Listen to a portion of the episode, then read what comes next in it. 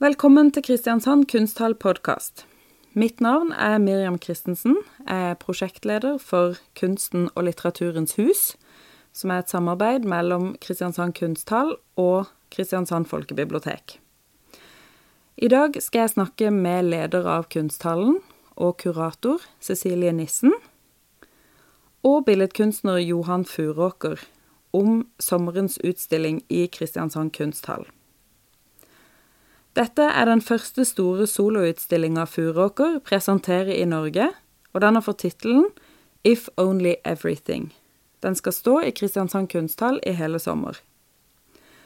Johan Furåker har sin utdannelse fra Malmö kunstakademi i Sverige og bor og arbeider i Danmark.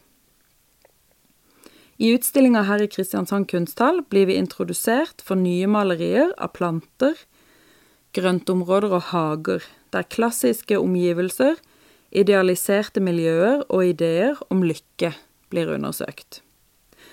Furåker undersøker filosofien og designet bak den persiske hagen, et beskytta sted for avspenning og ro, som et paradis på jorda som framkaller en følelse av lengsel. De nye arbeidene refererer til hans tidligere små malerier i postkortformat, men er denne gangen større, og kan minne om vinduer som åpner opp for illusjonen av rom og perspektiv. Fokus er likevel fortsatt på fortellende strukturer og historier framført i et bevisst frossa formspråk. Vi vil også stifte bekjentskap med den eksentriske italienske kvinnelige dandy og kunstikon Luisa Casati. En ekstravagant kvinne som på begynnelsen av 1900-tallet pleide å kle seg ut som en bysantinsk keiserinne, og sjokkerte på overklassefester med sine kjæledyr, to geparder i bånd og en levende slange rundt halsen. Ja, eh, velkommen, Cecilie Nissen, daglig leder av Kristiansand kunsthall og kurator på samme sted, og Johan Furåker, kunstner, for eh, kunsthallens sommerutstilling If Only Everything. Takk. Takk. Eh, Cecilie, eh, jeg lurer på om du bare kan fortelle veldig kort hvordan du eh, kom over Johan Furåker, og hvorfor han blir stilt ut i Kristiansand kunsthall i sommer? Jo. Eh, jo, altså jeg har jo blitt kjent med Johan eh, gjennom nettverket som vi har i kunsthallen. Og eh, vi har, altså vi har jo en stund jobba med å undersøke maleriet. Och så eh, I fjol så gav vi ut en publikation alltså där vi hade intervjuat någon målare som vi redan har jobbat med. Eh, och så har vi dessa sommarutställningarna där vi har lust att satsa på måleri. Och då eh, jag det att eh, alltså jag Jeg syns det är intressant det Johan håller på med. Alltså Det är ju något som jag själv är intresserad i. Eh, men jeg syns også at det går inn i denne Altså det er interessant å få det inn i den sammenhengen med å undersøke det maleriet som finnes nå, altså samtidsmaleriet, og kanskje i nærområdet vårt, som til nå er sånn litt Skagerrak-regionen, men som vi tenker at det kan være nordisk. Altså hva foregår i de ulike stedene. Og jeg tenker at Johan representerer jo en sånn type figurasjon med et konseptuelt utgangspunkt, kanskje, som liksom er én måte å jobbe med maleri på. Og så undersøker vi også andre typer maleri. Og så tenker jeg det at den, altså det med sommerutstillingen, der er det jo veldig mange mennesker som kommer til Kristiansand om sommeren. Altså som på en måte har eh, ulik eh, kunstkunnskap. Eh, uh, og da tenker jeg at det er ganske ok å vise maleri, for det er et medium som mange kjenner til. Og mm. vi er jo selvfølgelig interessert i å få masse folk til å komme inn her. Og jeg tenker at det som Johan jobber med, også er noe som passer om sommeren, da. Mm. Jo, jo. Det kan, så, kan jeg se selv også. eh, så, så det er mange, mange årsaker til at Mm. jeg har invitert han. Og Veldig bra også- kunstner, da. Det er jo det viktigste, selvfølgelig. Altså at vi vil jo ha eh, kvalitet på det vi viser. Ja, og så tenkte jeg også på det europeiske eh, tematikken kanskje i Ja. mange malerier. Vi har jo mange europeiske besøkende om Det har vi sommeren også. eh, gjennom cruisetrafikken. Så det Ja. kan jo kanskje være noe Det kan være noe. spennende. Mm. Ehm, men Johan, eh, kan du bare gi en veldig kort beskrivelse av hva som henger på veggene i kunsthallen Mm. I ju sommer? målningar Eh, och två filmer visas också i anslutning till mina målningar. Som, men eh, det är varvat, blandat stora målningar och små väldigt detaljerade målat målningar som eh, alla, allihopa berör eh, nyväckt trädgårdsintresse som jag har. De liksom gestaltar trädgårdar eller detaljer av eh, växtlighet på olika sätt och vis. Nästan alla målningar kom, är så. Men det, från början så eh, arbetade jag mer med levnadsöde som är utvidgade porträtt. Eller vad man ska säga. Och där levnadsödena berörde olika ämnen. Och de här ämnena som de här levnadsödena berörde tog mig så in till den idealiserade trädgårdsvärlden och ett intresse för arkitekturen och, i trädgårdarna och hur, hur man blandar färg och form i trädgårdar och hur det också då kan gestaltas i måleri. Mm. Ja, jeg tenker jo det at, eh, jeg tenkte å spørre deg, fordi at du, eh, jeg vet jo det at allerede mens du studerte, så begynte du å skildre uvanlige historier. Og du sier jo nå at du har hatt disse personene som du har eh, Eller eksentriske personligheter som du har jobbet med. Mm. Eh, og flotte miljøer. Mm. Eh, overklassemiljøer. Eh, hvordan oppsto den fascinasjonen for det? Eh, det... Ja, när... Min ingångspunkt till att måla ända sedan jag var liten har liksom varit ett sätt att drömma sig bort från ens vardag. Och när jag sitter och målar så är det liksom fantasin, min fantasi som styr vad jag vill göra, måla. Och där är ju allting möjligt i, i den målerivärlden som jag skapar för mig själv. Men det är helt klart så att jag tycker att det är mer spännande att fantisera om saker som jag inte vet så mycket om än min egen egna värld och vardag. Så då, därför blir det eh, överklassmiljöer och eh, länder och miljöer som är långt borta från mer exotiska än min egen ofta. Så det, det första levnadsödet var en fransk gasverksarbetare som jag tog utgångspunkt i. Som bodde och levde i Bordeaux och som gång på gång försvann och lämnade sitt arbete och blev arresterad för lösdriveri runt om i Europa. Även i Algeriet och Moskva och Istanbul blev han arresterad och, och tillbakaskickad till, eh, till Bordeaux. Och så ibland satt han i fängelse och så, sen kom han liksom tillbaka till sin familj och fick jobba och göra rätt för sig. För man fick inte resa som man ville förr i tiden. Men sen till slut så var det, han sa att han inte kom ihåg någonting från sina resor. Så till slut så var det en eh, psykolog som tog, sig, tog hand om honom och hypnotiserade honom. Och under hypnos så kunde han återberätta om alla hans resor som han hade gjort runt om i hela Europa. Så det här var liksom en historia som jag läste om i en biografi och så läste jag andra böcker som var, berörde samma tid och ämnen. Och så, och, men det fanns, det var ju rätt så... Det fanns ju inga bilder till de här. Så det var ett, och han kom, så det var ett ypperligt tillfälle för mig att liksom gestalta och måla de här resorna i den tidigt 1900-tal, Belle tiden Så det var väldigt... Det, jag, hit, jag letar efter historier som ger mig möjlighet att måla de målningar som jag är sugen på att måla också. Liksom. Så, Hmm med, i, med den här historien så fann jag, kunde jag både måla vacker natur och vacker arkitektur och leta i, fotoarkiv efter eh, bilder från Paris tidiga 1900-tal eller Nice tidigt 1900-tal. Och så, så, så det är liksom historiens och, historien och ämnena som historien berör men också vilka bilder som jag tänker att jag kan hitta för att berätta historien. Så det var en av mina första levnadsöden som jag...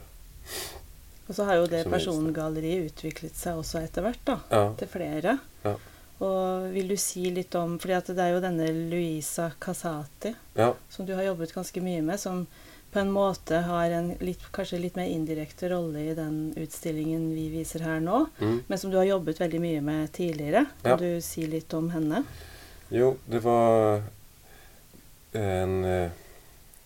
Hon var från början en biroll i en annan utställning som berörde en italiensk poet som startade sitt egna land och ville bli ledare över ett stort Italien. Men han blev ju inte det som vi alla vet. Men det, jag ty tycker det är spännande med de här historierna som är spektakulära, så, så spektakulära så att man knappt tror att de kan vara sanna. För om de hade varit sanna så skulle man väl ha hört om dem. Men att man ändå inte har det. Och de är ändå trots allt sanna.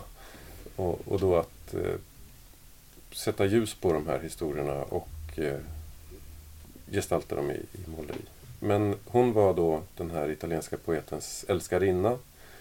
Och hon var, hade en biroll i en av mina tidigare utställningar. Men sen så hittade jag en biografi om henne också, så läste jag den och fann ut att... Eh, så upptäckte jag att hennes liv var ju li, minst lika intressant. Och eh, mindre direkt politiskt också än den här italienska poetens liv. Och vilket gjorde att den konstnärliga friheten kunde vara större för mig. Att eh, sväva ut och, och tänka på liksom plausibilitet, vad som kunde ha varit. När det är liksom politiskt känsligt så känns det som att det är viktigare att vara lite historiskt korrekt och rikt, ha, ha ordning på historien ordentligt. Men i hennes liv så var det yvigare och liksom handlade mer om större ämnen, eller andra ämnen mer eh, generellt som dekadens och eh, och olika mänskliga beteenden som att gå på fest och arrangera fester. Vad är det, varför gör vi det och vad är det vi vill få ut av det? Och ja, hur är en bra fest och varför är, det, varför är det en bra fest om det är si och så? Och mm.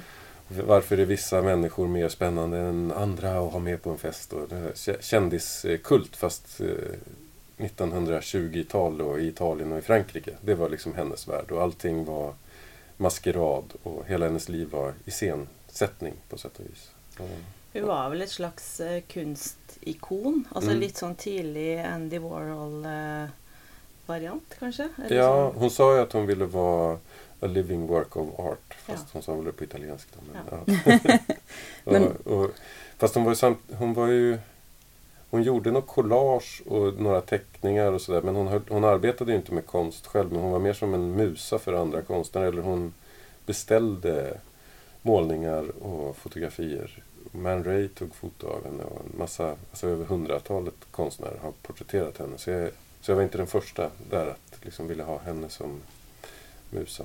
Men det gjorde också att det öppnades upp en värld eh, av hennes vänner och bekanta och miljöer och, och arkitektur och natur som, som jag kunde gestalta. Jag finner det väl spännande att genom de här levnadsövningarna kika in i olika tider och också kika in i överklassen i, i olika tider och se för där, kan, där tycker jag att man kan där kan man ju då liksom se vad människor har drömt om i olika länder och olika tider och hur deras fantasier ser ut när de har realiserats. Som Luisa Casati bodde ju stora delar på av hennes liv på olika slott och hade tjänstefolk och menageri. Så hon hade liksom en helt zoologisk trädgård med sig. Vart hon än reste så hade hon det med sig. Det är, det är imponerande. Ja. Geparder och slanger och, och, så var det väl en period att hon inte hade något slott. Så alltså, ja. då flyttade hon in på Hotell Ritz. Ritz I Paris. Ja. Och så hade hon med sig sitt tjänstefolk och alla sina okay, djur där. Och så är det en historia om då hennes eh, orm, slange, eh, försvinner. Man vet inte riktigt var den är. Så hela hotellet måste utrymmas. Och måste hitta den där ormen. Och då får man tänka, föreställa sig då att då bodde även Coco Chanel på hotellet och George den femte från kungen från England. Så det, ändå en... det var lite sån stor ståhej kanske ja, den dagen då? kan tänka sig det. Det finns många sådana här små roliga historier kring mm. det här. Det är också en annan Axel Munthe, en eh, i alla fall i Sverige känd, halvkänd nu också, eh, person som byggde ett stort fint hus på Capri. Och han var läkare åt den svenska drottningen på, på den tiden. Eh, han, rörde, han var läkare även i Paris och Rom och rörde sig i samma kretsar som Casati. Och på någon, något tillfälle på någon fest så sa väl Axel Munthe att kom förbi mig på, till Capri om du har vägarna förbi så hälsa på där. Sen hörde han mer om henne och att hon var lite stökig, att hon alltid kom med alla sina djur och så här. Axel Munthe var djurvän men han, han gillade väl också lugnet tror jag, som han hade där på Capri. Föreställer jag mig det i alla fall. Men Så när hon kom så ville inte han öppna dörren. Men hon, hon stod där ute och gav sig inte. Tjänstefolk och djur stod där utanför hans port och hon bankade på och bankade på. Och till slut så släppte han in henne då. Och hon åkte inte därifrån. För det var väl också en sån här period då hon inte hade något slott riktigt utan var på resande fot. Och så. så hon tänkte att här var det ju fint att bo. Det slutade med att han flyttade till ett annat hus på Kap eh, en period. Tills hon förstod, gav upp och, Ja. och flyttade vidare. För hon festade så hårt där i hans hus, han trivdes väl inte längre. Så det finns många sådana här små historier i historierna här. Mm. Men både hun Casati og han Albert Dada Ja, eh, De er vel eh, Har sånne biografier som ikke munner ut i noe liksom eh, Altså, de har ikke noe kunstnerskap eller forfatterskap eller noe annet man kan huske de for enn livet de levde da. ja, Så de er på en måte litt sånne eh, bipersoner kanskje i andre folks liv, eller i mm, bipersoner i en historisk epoke, eller sånn, da. mm, Så det er jo liksom fascinerende å ta opp, mm. ta opp de, da. Albert Dada, han var ju bara en gasverksarbetare så han var ju Ja. liksom ingen som går till historieböckerna om det inte hade varit för att den här psykologen hade hypnotiserat honom och, och skrivit en avhandling om hans eh, sjukdomstillstånd. Då. Så han blev ju diagnostiserad som en patologisk turist. Och det var, en, det var en sid, ett sidospår av hysteri som, som män kunde ha. Då. Okej. En manlig form av hysteri. Så hela det här. Och det blev ju en trend sen runt om i Europa. I vissa länder så var det väldigt många patologiska turister. Oftast de länderna där det var oroligheter och kanske snart skulle bli krig så var det ju måte å få bare frisedel. Så behövde man inte Ja. bli inkallad. Det var helt oberäknelig. Ja. Du kunne få det som en diagnose. Ja. Ja, ja. Så det var Klart. kort, kortlivad eh, sjukdomsdiagnos. För sen när hysteri inte gällde längre så försvann ju det här också. Men det var ju väldigt många som ville bli diagnostiserade som patologiska turister för då Ja. slapp man ju gå ut i krig. Då. Så, så det, det finns ju många nivåer av vad som är sant eller inte. För det, Albert kanske inte var sjuk, han kanske bara var trött på sitt jobb. Ja. Och inte ville ut i krig. Och, mm, Mm. se lite av Europa. Mm. Och sen så kommer jag att ha mina idéer och inre bilder av hur hans liv såg ut. Och så målar jag det. Och så Besökarna tror ju oftast att jag har hittat på historierna för de är lite skruvade. Ja, for det er jo det man lurer på først. Ja. Altså, man må jo google og se om eh, har disse eksistert. Ja, Eh, Men det er kanskje derfor det er litt eh, spennende også, Ja. sant? For det er virkelige Absolutt. personer, men det er personer som ikke så veldig mange. Du må være litt sånn ekstra spesielt interessert hvis du Mm. har hørt om Casati, for eksempel, mm. eh, fra før av. Så da, kan du, da har du ganske stort spillerom, da. Eller Mm. en stor frihet Ja. til å dikte. Och det, det, det söker jag ju efter också. Det, det är därför jag hittar just de här personerna. Mm. Men nå har du frigjort deg litt ifra de eh, veldig konkrete biografiske eh, Ja. prosjektene. Och så har det blivit lite mer generellt idéer om lycka, lyx och idealiserad värld med i natur och trädgårdar mest faktiskt. Men också lyft in mig själv lite mer som Mm. att det handlar lite mer om mina drömmar om Ja, fordi at, en eh, idealiserad värld. Och, eller lycka. Och, For det første gangen jeg var nede og besøkte deg, så jobbet du jo fortsatt med Casati. mm, Og så neste gang vi snakket sammen, så hadde du Og, og da hadde jo dere flyttet eh, til et sted som dere ikke har bodd så fryktelig lenge. mm. Nej, vi har bara bott där i tre år nu. Ikke sant? Og eh, så neste gang vi snakket sammen, så hadde du beveget deg mer over i dette hageundersøkelsen. Ja. Og, eh, og du har jo også med et eh, teppe, eh, eller et maleri, da, som Mm. forestiller et persisk teppe som du har malt sammen med Ditte Eilerskov, Mm. som, du, som er din kone. Mm. Og det er jo på en måte et utgangspunkt også for den utstillingen her. Altså undersøkelsen av den persiske hagen Mm. og den hagetradisjonen.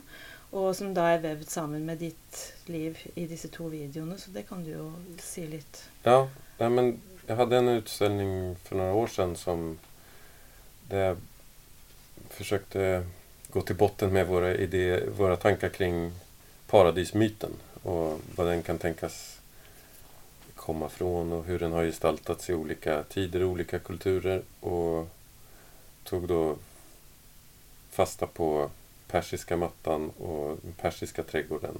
Som som någon liksom, i alla fall enligt min mening, den persiska trädgården är liksom en urträdgård från, som den europeiska trädgården sen kommer ifrån. Mm.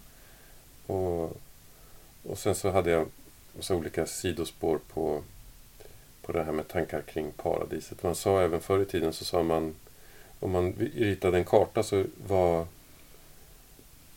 den övre delen av kartan var österut. Så man sa up east och inte up north. För, mm. Så allting, det var liksom österut mot då Jerusalem eller, eller eh, paradiset i mm. öst. där. Som, och om man då tänker paradiset som en geografisk plats där i alla fall myten om paradiset kommer ifrån, eller idén om paradiset kommer ifrån, så är det väl nord, ja, Persien, norra Iran däromkring. Och det är där de odlade sådana här inhägnade trädgårdar. Då man stänger liksom ute det vilda, ondskan och det farliga, okontrollerade. Och sen så odlar man upp och dyrkar sin, sin, sin perfekta idealiserade värld innanför de här murarna och staketen och träd, äh, häckarna. Liksom. Mm.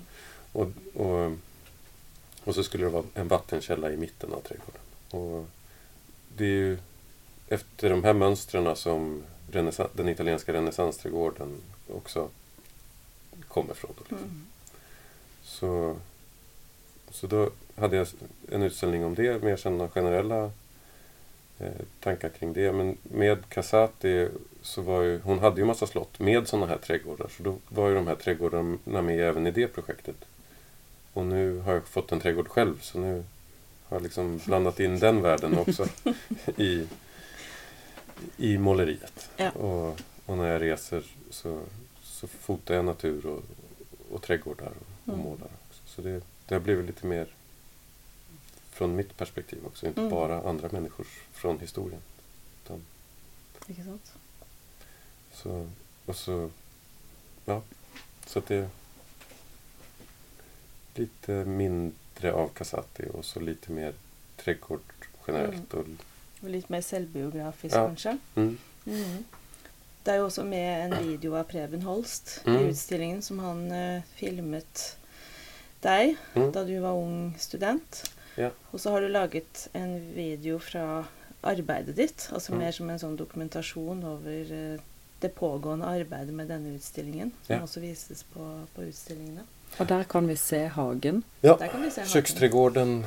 Min ateljé vetter ut mot köksträdgården som då i, i filmen mest liknar en djungel för vi har varit, rest bort så inte haft koll på trädgården. Men, men, men vad tänker du om förhållandet mellan kökkenhagen och den här, eh, alltså för er har vi kanske mer sån kökkenhage kanske, ja, eller dyrker grönsaker och mm. ja.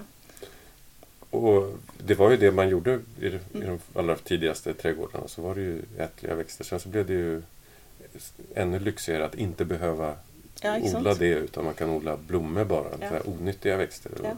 För målerierna dina ja. visar ju mer den sidan av hagetraditionen ja. Än uh, nyttoväxter. Bortsett mm. från kanske banan... Uh, Bananbladen, ja. Mm. Men uh, det jag tycker att det är roligare att odla sånt som man kan äta. Det blir liksom en belöning som jag tycker är trevligt. Men i målningarna så, så tycker jag att de här onyttiga trädgårdarna gör sig... Det går att göra... När arkitekturen i trädgårdarna blir liksom tydligare och, mm. och det blir roligare målningar att måla. Än, än när det är potatisland. det blir inte ett sånt natur, eh, sån naturalistisk eh, potatisland med det första. Det med det första. Ja. Men det, det är ju någonting med Ja, och de, den filmen, både Prebens film och den filmen som jag gjort som är mer en dokumentation eller presentation över mitt konstnärskap och min ateljé och min trädgård och sådär. Men båda filmerna är väldigt idealiserade lite, ha samma nivå på något sätt av idealiserad drömtillvaro mm. eh, som mina målningar har. Mm. Tycker jag. Så. Men varför är du så upptatt av det idealiserade? Det är, för det är det vi alla liksom strävar efter om man, när man vad man än gör så vill man väl liksom försöka få det... Jag är alltid intresserad av, och mänskligheten i stort är ju liksom intresserad av att få det bättre. Och vad är det då vi tycker är bättre? Och hur ser Mm. det ut? Och hur ser det ut när man har närmat sig det där? Ja, men nu är det inte så mycket mer att jobba med. Hur ser det ut? Liksom när det, när man, jag tror inte man kan uppnå någon perfekt tillstånd som sen är statiskt. För man får, då får man ju liksom hela tiden jobba mot förfallet och, och sådär. Men, men vad är det vi strävar efter? Hur kan det se ut? Och hur har det sett ut? Det tycker jag är liksom... Ja, det, det är något allmänmänskligt och, och att vilja jobba mot det. Men hur ser det Mm. ut och hur har det sett ut i olika tider, i olika kulturer? Och hur ser det ut för mig själv? Vad är det jag själv drömmer om egentligen? Och så. Det, det är sånt som jag i alla fall använder massa tid åt att fundera på. Mm. Og så har kanskje den forestillinga om et paradis da endra seg Mm. eh, i løpet av noen tusen år med forestillinger om paradis. Ja, det kanske är stora minimalistiska villor med stora glaspartier som man tänker sig ett paradis Ja. i framtiden. ja. Ikke de hengende hager, eller ja. Mm. Inte stuckatur och bladguld som det var kanske. Ja, ikke sant. Ja. Men vi har, altså du har jo ehm, Du har jobbet med disse fortellingene om disse eksentriske, eller disse menneskene. Mm. Eh, er det fortellinger du selv forteller gjennom maleriene dine? Historier? Forteller du historier? Ja, det, de finns ju där Mm. bakom allting och man kan ju... Jag är ju liksom... I pressmeddelande och så, så kan, och eh, i material bak, som jag har läst, som jag är, berättar om i alla fall. Och, och så kan man ju ta till sig de här berättelserna. Mm. Men genom att titta på målningarna så kan man väl ana att det finns berättelser. Men det är inte helt tydligt. Det är liksom inte... Storytellingen är nog mest till för mig och Mm. som startmotor för att måla. Och sen som beskådare så är det fritt fram att göra egna tolkningar tror jag. Jag tänker man måste inte förstå var målningarna kommer ifrån från början för att kunna Nei. få ut något av det. For jeg tenker også det at det er en annen altså For nå har vi jo snakket mye om disse fortellingene bak maleriene og disse personene, men det er jo også altså et viktig mm, eh, En viktig ting i ditt kunstnerskap er jo også fargen. Mm. Og, og fargen kanskje som også forteller noe. Mm. Eh, og eh, du jobber jo stort sett med figurasjon, men så har du jo også i noen utstillinger tidligere så har du jo hatt en del sånne abstrakte eller minimalistiske eller sånn color field-bilder. Eh, det har du ikke med i den her, men her har du brukt veggene. Altså du har malt flere av veggene. Og du har også på en måte gått videre i de, noen større abstrakte Eller ja, de er ikke abstrakte, altså det er bilder av blader, men som er mer abstraherte, og hvor Mm. fargen også kanskje på en måte blir tydeligere i seg selv, da. Altså som et eh, fortellende Ja, element. och färgerna kanskje. är ju inte realistiska utan Nej, det är, målningarna handlar mer om färg och form än om realism. Ikke sant? Mm. Så kan du si litt om den der biten der, altså med kunstnerskapet ditt, altså ditt forhold til farge, og hvordan du jobber Mm. med det og tenker Ja. ehm, det är, jag tycker det är väldigt fascinerande med olika färgnyanser och jag har hört och eller läst någonstans för länge sedan att det mänskliga ögat kan se flest gröna nyanser. Och om man blandar färger så tycker jag att gult till exempel ofta blir det vi kallar orange. mm. Medan grönt har liksom väldigt, väldigt stort spektra där. Ja. Och, och det vet inte vilket som kom först, mitt intresse för grönt eller mitt intresse för trädgårdar. Men det går liksom hand i hand där med de där olika gröna nyanserna. Och Mm. även andra, jag diskriminerar inte andra färger men det är, jag är väldigt upptagen av olika gröna färger. och, så, och tycker att det är väldigt, väldigt spännande att liksom stämma färger som Leonard Rickard sa. Eller om jag läste det i någon biografi jag fick av honom. Han, jag är från Sverige från början och så, nu bor jag i Danmark. Och han, är, han är väldigt känd här i Norge har jag förstått Mm. men inte så känd i Sverige eller, eller Danmark.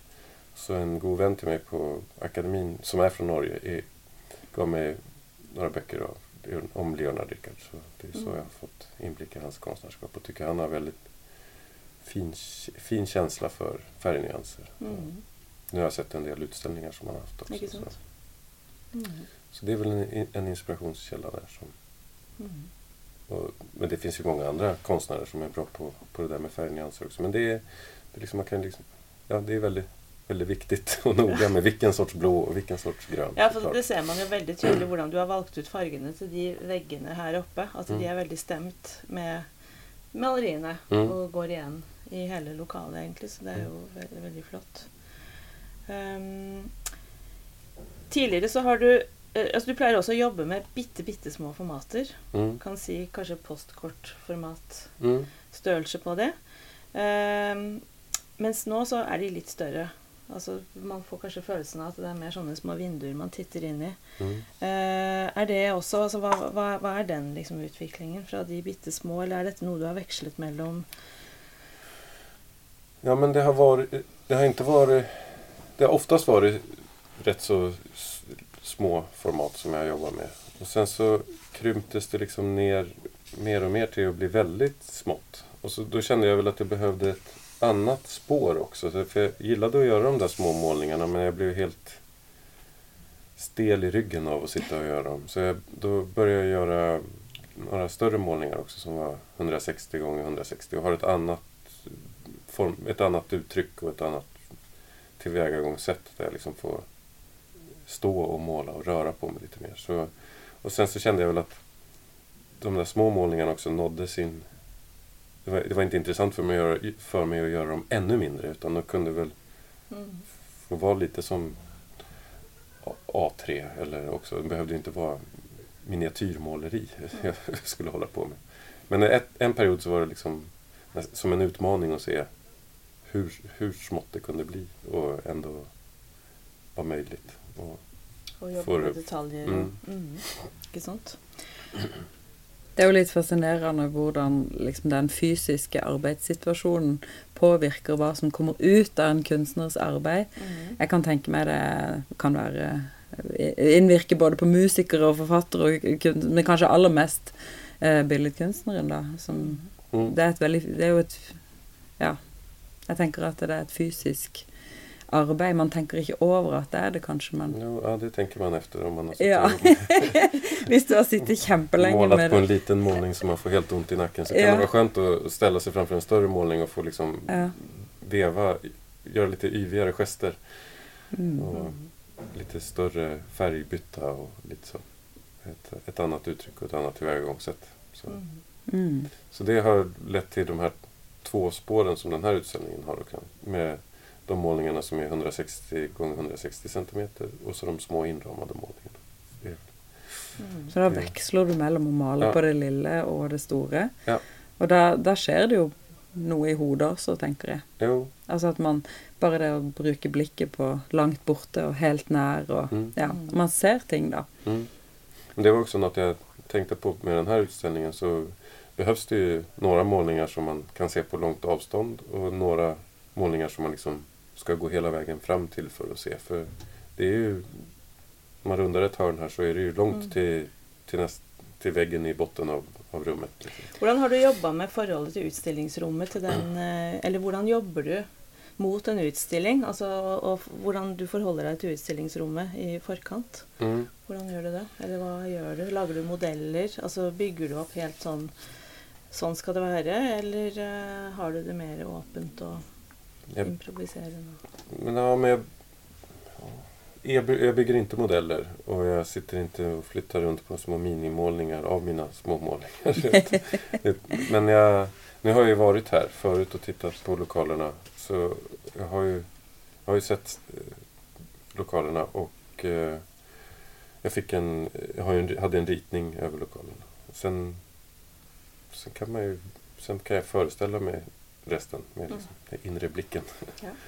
och, och eh, det brukar vara så jag jobbar. Och så ibland så har jag någon idé om, om det är väldigt narrativ utställning jag håller på att jobba med så vill jag ju att, att det ska vara ett visst, eh, att bilderna ska komma i ett visst, visst ordning så att, så att man beskådaren kanske förstår någonting till sist i ett rum och inte först och sådär.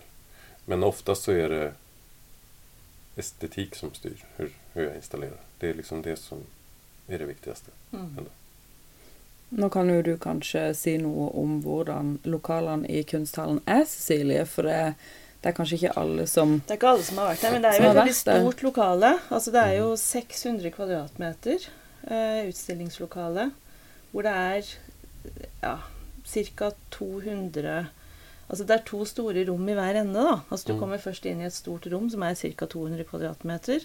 Og så har du en sånn white box i midten der, og en gang og et lite videorom og litt sånn. Og så er det et nytt rom på ca. 200 kvadratmeter. Så det er veldig store lokaler. Mm. Og Syns du det var utfordrende med den måten du jobber på? Um, for at du har jo jobbet med veldig små formater. Ja, Men du har jo også jobbet med store formater. sånn at det, altså Hvordan tenkte du da du ja, skulle ju, gå løs på det? Då hade jag ju äntligen då gav det mening att fortsätta med de större målningarna och, och komma ordentligt Ja. lös med det. Ja. Och, så det var ju det, ja, det var bara lustfyllt Mm. sant? att få, Mm. få en anledning till att verkligen göra många stora målningar också. Og så- För, för en del gallerier, gallerier som jag ställt ut på så är de ju liksom stora och så, men inte det här är ju någon annan Mm. storlek helt klart. Mm. Føler du at du utvikler deg som kunstner når du da får sjansen til å stille ut i sånne store ja. Ja. För han, det, om, om det betyder så himla mycket att göra en målning.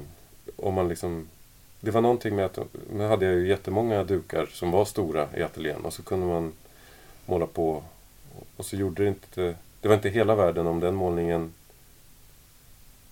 man behövde inte ta beslut om den målningen var perfekt.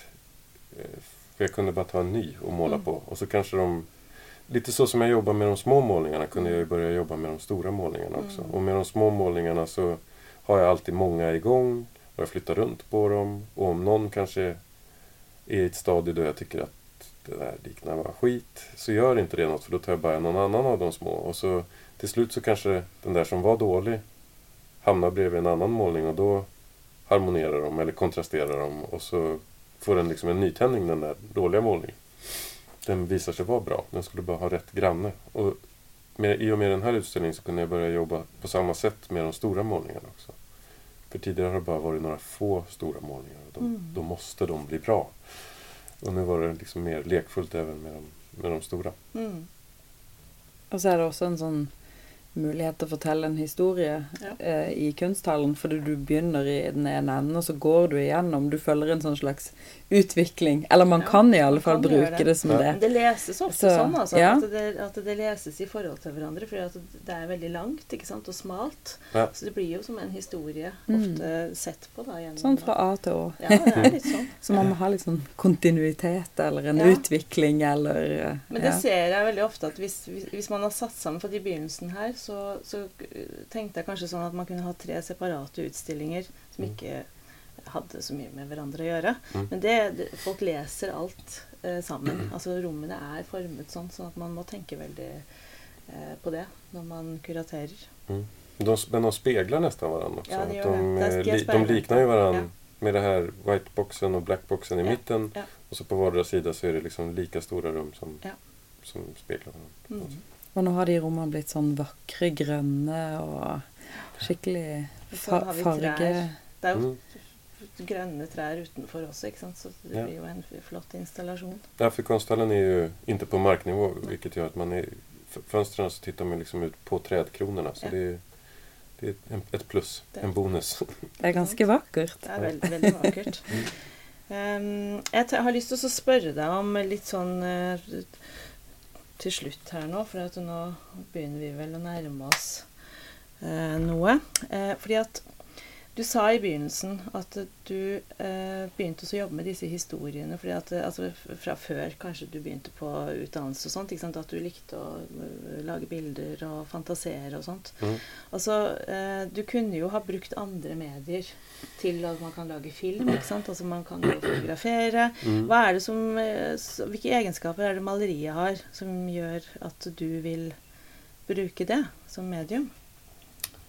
Det, ja, men från början när, man var yng, när jag var yngre så var det ju lättillgängligt. Och, liksom teckna och måla Det var ju liksom... Det var inte så dyrt och det var inte så komplicerat. Det var, och det gillar jag ju fortfarande att, om man jämför med att fotografera eller filma så måste man ha rätt eh, utrustning. Och, och det kostar massa pengar och så måste man ha någon fotolabb eller liksom det, och med foto eller grafik också så är eller även om med skulptur så är det så många led. Man ska liksom fram, man får ett negativ. Och, och så, med grafik så ska man liksom tänka att det sen ska bli spegelvänt och så helt plötsligt så, jaha, var det så där det blev? Medan måleri så växer det ju fram framför ögonen på en medan man håller på. Och väldigt direkt både medan man arbetar med det och för beskådaren så är det liksom ett direkt eh, medie.